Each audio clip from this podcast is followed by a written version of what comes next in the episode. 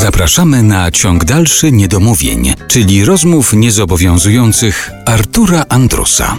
Urszula Dudziak jest dzisiaj naszym gościem w Niedomówieniach w RMF Classic i rozmawiamy głównie, jak się okazuje, proszę bardzo, rozmawiamy o czym? Nie o muzyce, rozmawiamy o życiu.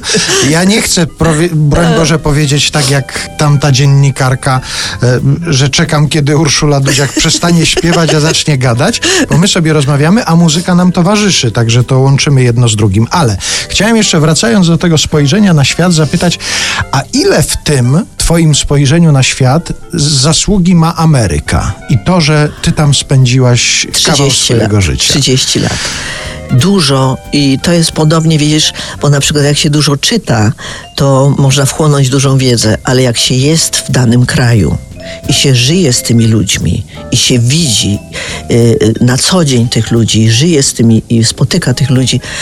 I ja w ogóle jak przyjechałam do Nowego Jorku, to się wszystkiemu dziwiłam.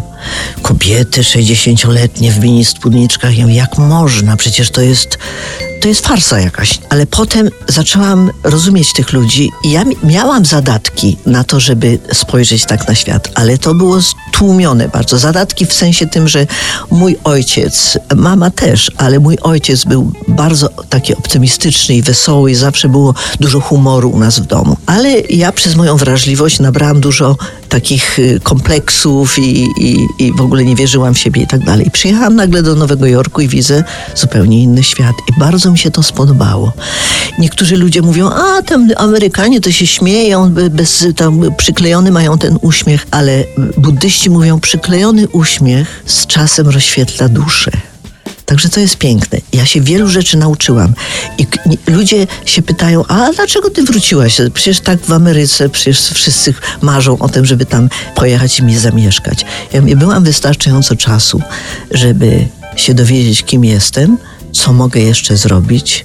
I tam już ta robota, do której ja byłam przygotowana, jest niepotrzebna tutaj jestem bardziej potrzebna niż tam. A w drugą stronę to zadziałało, że na przykład jakichś amerykańskich przyjaciół namówiłaś, słuchajcie, to jedźcie ze mną do Warszawy, to tam się czegoś nauczycie, czego nie macie w Nowym Jorku. nie, wiesz, jakoś tak nie, nie pamiętam, żebym, żebym robiła taką akcję. Z drugiej strony ja na przykład rozmawiałem kiedyś z moim kolegą, który też od lat mieszka w Nowym Jorku i on mówi, że zawsze kiedy przylatuje do Warszawy, ląduje tutaj i rozgląda się, jak tu się wygodnie żyje.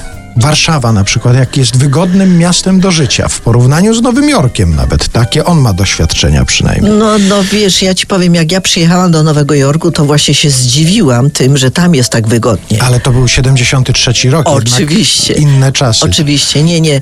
Już teraz rzeczywiście ta różnica, bo jak ja pamiętam, wracałam po wielu latach, najpierw się tak przymierzałam do powrotu, to widziałam tą niesamowitą zmianę w Polsce. Ja cały czas, ja jeżdżę do Nowego Jorku, ja jestem cały czas w drodze Także to nie to, że ja tutaj się zasiedziałam, aczkolwiek kocham Warszawę, kocham być w Polsce, kocham Nowy Jork i jak jadę tam, to się cieszę, że tam jestem, ale cieszę się, że wracam do Warszawy. A tu znowu się cieszę, że mam tam otwartą drogę, że mogę w każdej chwili pojechać, bo tam mam mieszkanie, tam moja córka Kasia mieszka.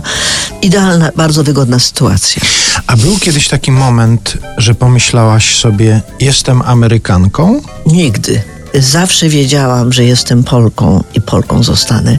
Tam jestem po coś, żeby się wielu rzeczy nauczyć. Ale jak wracałam do Polski, to się czułam jak u mamy. Mama mnie obejmowała, tuliła mnie i mówiła, Uluś, jesteś okej. Okay.